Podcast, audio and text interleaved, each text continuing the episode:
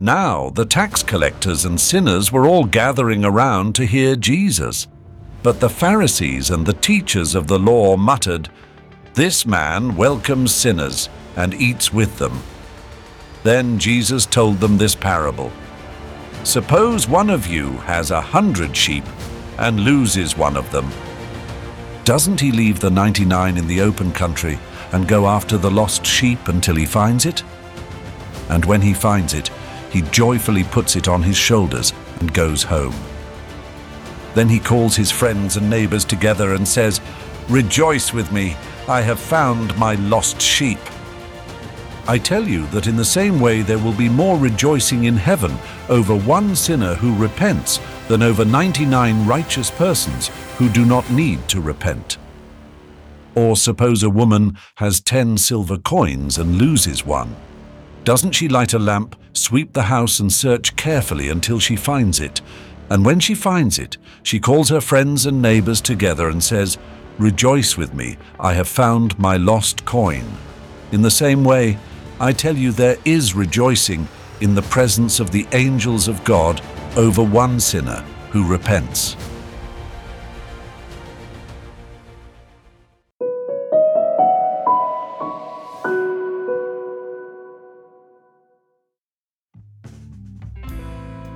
The story of the lost sheep and the lost coin from the Gospel, according to St. Luke, sheds light on one of the most fundamental truths about God's nature.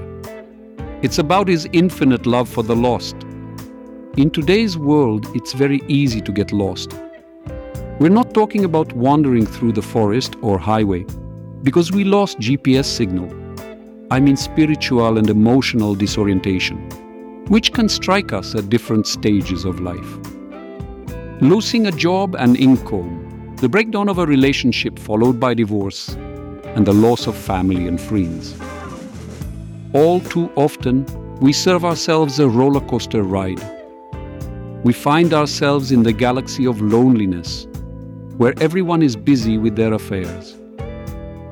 We feel battered and unnoticed, insignificant, just like the sheep that strayed from the flock or the coin that rolled under the furniture. Jesus, quoted by the evangelist Luke, confronts us with the truth about the Father's nature. There is no greater joy for him than the joy that comes from finding and bringing home what was lost. He's not talking about mass conversion, about large numbers. He talks about one specific person, about you and me about each of us who has ever felt lost. And it's about both the situation when you miss your train and when the platform departs from you. Consider the parable of the lost sheep. The shepherd, having a hundred sheep, is not satisfied with still having 99. Each sheep is important to him, each has its name, each is loved. The same is true for each of us in the eyes of God. Our culture inclines us to think of value in terms of the quantity of successes and achievements.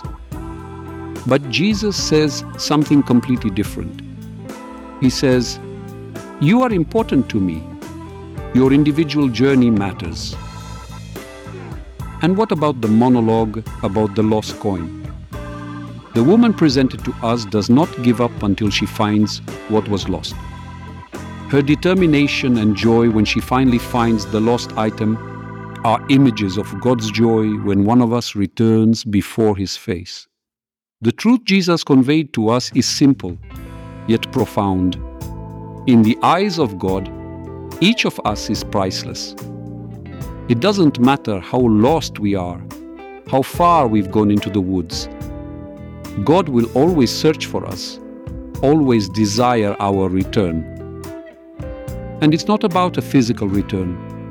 It's about a transformation of the heart and conversion. About understanding that life without God is like the life of a lost sheep in the wilderness. This reminds me of the words from the 34th chapter of the book of Ezekiel, where God says, I will seek the lost, bring back the stray, bandage the injured, and strengthen the weak. This is the image of a God who constantly seeks constantly calls, constantly loves. In a life full of noise and an inverted hierarchy of values, it's easy to lose sight of what's most important. It's easy to feel insignificant in the hustle and bustle of everyday life. But the parable of the lost sheep and the lost coin reminds us that for God, each of us is significant. Each of us is valuable. Each of us is loved. Let this truth be a guide for us. Let it remind us that no matter how lost we may feel, God never stops searching for us.